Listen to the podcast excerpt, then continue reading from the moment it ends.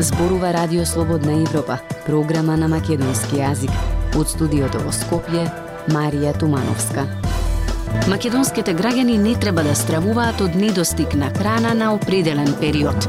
Очекуваме доволно количество на житни култури од годинашната жетва, уверува Петар Стојковски, председател на Асоциацијата на земјоделци на Македонија во неделното интервју на Радио Слободна Европа. Тој сепак предлага забрана за извоз на сите житни култури во следните три месеци и истовремено апелира до владата да ги зголеми субвенциите за есенската сеидба на зрнестите култури. Со Стојковски разговаравме и за штетите кои ги претрпеа земјоделците по поплавите кои се повторуваат речиси секоја година поради промената на климатските промени, но и за други прашања и проблеми кои ги мачат земјоделските работници. Во продолжение следува разговорот со Стојковски.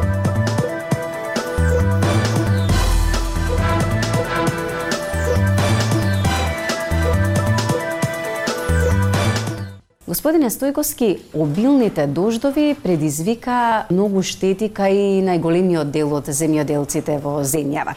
Кои култури се најоштетени и имате ли веќе некаква проценка за колкава штета станува збор?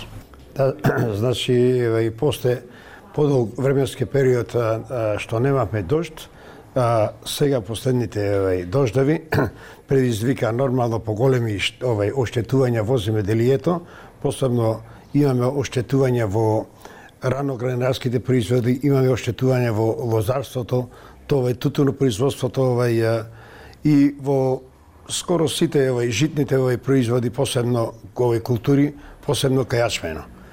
Меѓутоа, што е тоа, не можеме ние против природата ништо. Комисиите општински кои што се задолжени за проценка а, и увет на лице место, ние овај сме во комуникација и утврдивме дека се на терен и ги овај проценуваа штетите кои што се нормално настанати од градот и од дождовите. Ги спомнавте комисиите за проценка на штетите, кои се информациите кои што ги добивате од земјоделците? Дали ќе бидат доволни средствата кои што им се одобруваат за штетата која што им е направена? Обштинските комисии излегува на терен извршуваа проценка за штетата, а, митоа се уште ние не сме на она ниво кое што треба да бидиме овај реално осигурани, па за да побараме мислам средства доволно по овај по, по основ на оштетувањето.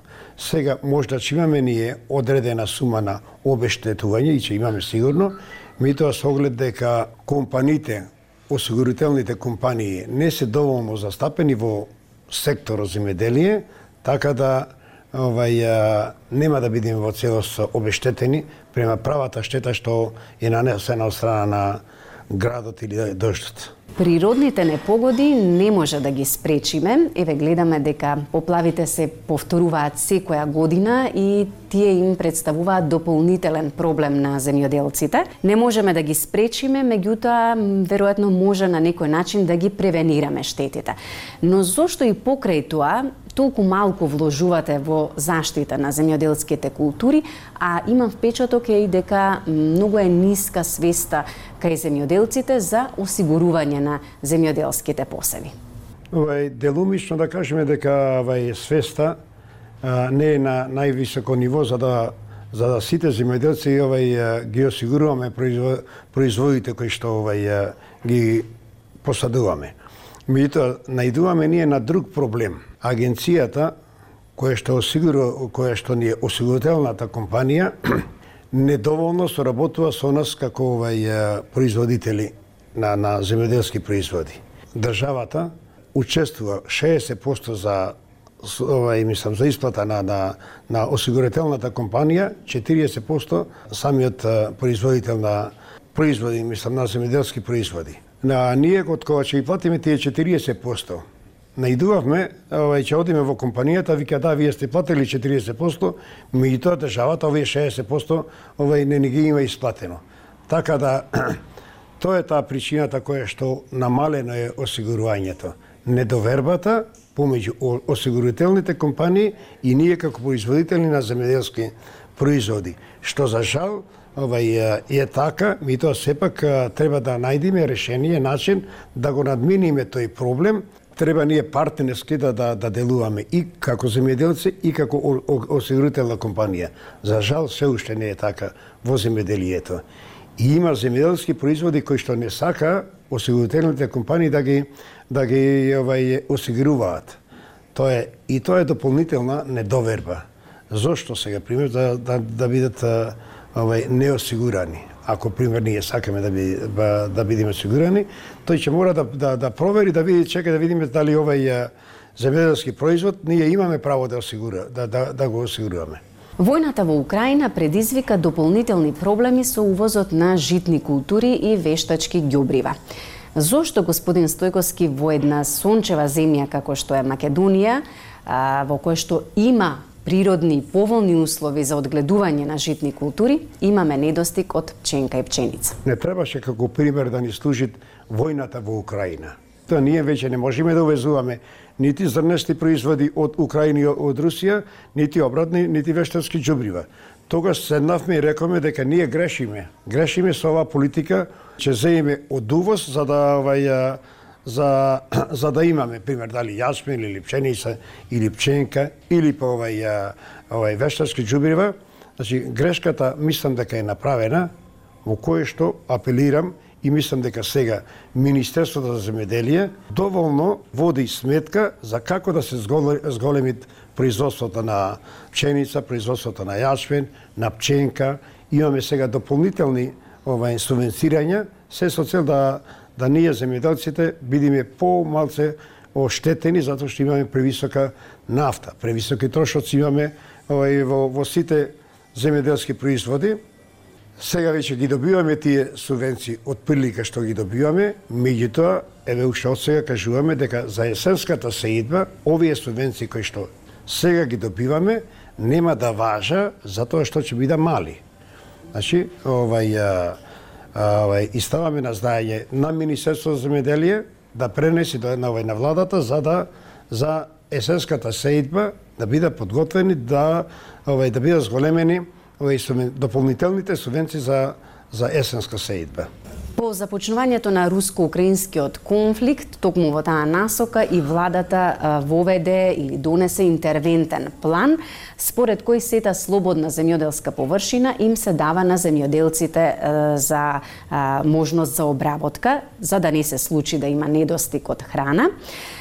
Каков е интересот на земјоделците за оваа мерка и дали мислите дека со истата ќе се намали таа увозна зависност на земјава од житни култури?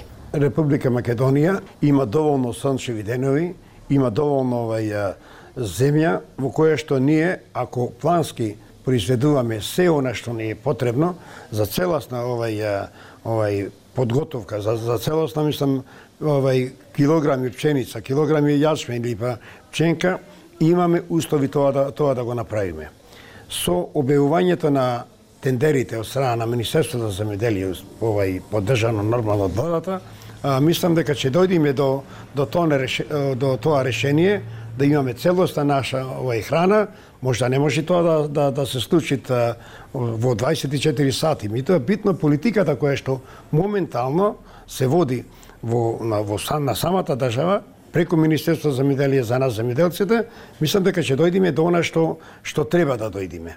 И ако производо сега бараме ние дополнителни средства за за субвенцирање, а, тие средства ние не ги бараме за да се збогатиме.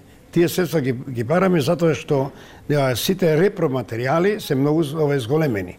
Зголемувањето нормално доаѓа од тоа што ние не можеме да увезиме од анде од кај што мислам до вчера сме уве, сме увезувале. Авај добро е што дојде вештачко џубриво во овај момент имаме доволно, и тоа е а, со превисока цена. Ние немаме, немаме толкави средства за да можеме да ги набавиме тие средства за да имаме нормален приход од она што како посев ќе го имаме. Покрај овие субвенции, владата најави и мерки за поддршка за набавка на опрема за производство на тутун. Постојано има јавни повици за набавка на трактор, силоси, мандри и така натаму. колку е тешко еден просечен земјоделец да стане корисник на ваков тип на помош? Ќе морам сега малце да се овај осланам на тутуно производството. Значи полека тутуно производството нас ни се намалува. Причина за намалување на тутуно производството во Република Македонија не треба ние секогаш да го гледаме кај субвенциите. Нормално треба да видиме ој ние дали имаме реален однос од купувач и тутуно производител.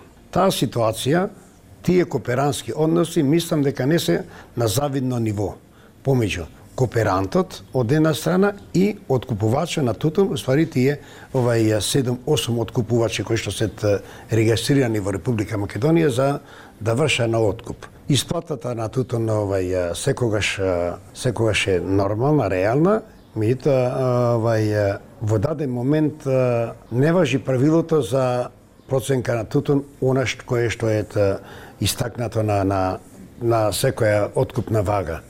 И тука се губи една доверба помеѓу производителот и откупувачот, така да можда дел од тутуно производителите ќе се пре, преориентира на други производства во земјоделието. Со најновите измени на Законот за земјоделство и рурален развој, двојно се зголеми субвенционирањето на така наречената зелена нафта. Што значи тоа за вас во услови на енергетска криза, кога гледаме дека секојдневно поскапуваат цените на енергијансите? Се што е во интерес на земјоделците, да така и зелената нафта, е добро и е добре дојдена.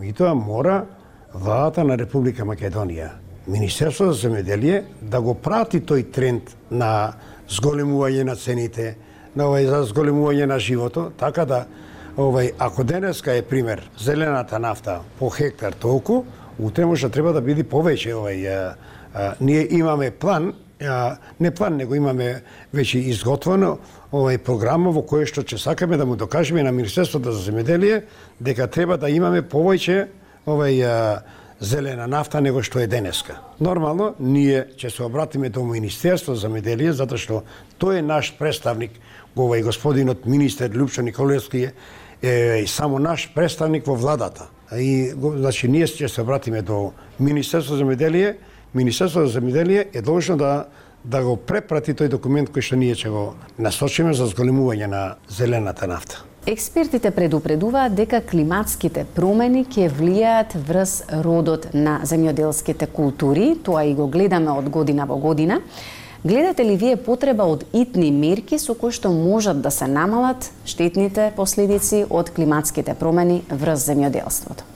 За да имаме ние доволно храна или во овој случај немаме доволно, мислам, за нас и произведение, пак сме зависни увај, за увоз на пченица, јашмен, пченка или некои други занести производи. Прво треба за ова година, пошто отприлика ја се надеваме дека иначе имаме добар род, да се донеси под хитно забрана за извоз на сите занести производи што се произведени во Република Македонија, барем за три месеци. Од кога ќе видиме дека овај таа ситуација овај е позитивна, дали ќе се продолжи после тоа или не мора да се продолжи, тоа битно моментално треба подхитно да да имаме забрана за извоз на сите зрнести производи, а, суд овај праксата да кажала следна: ако се појави вишак, во случајов може да се појави вишак зрнести производи, за во овај момент апелирам до до фармерите, апелирам до трговците. Ако овај владата донесе одлука за забрана на извоз на овие зрнести производи, да не мисла дека овај ќе сака да не оценува за да не го земат производството овај со пониска откупна цена.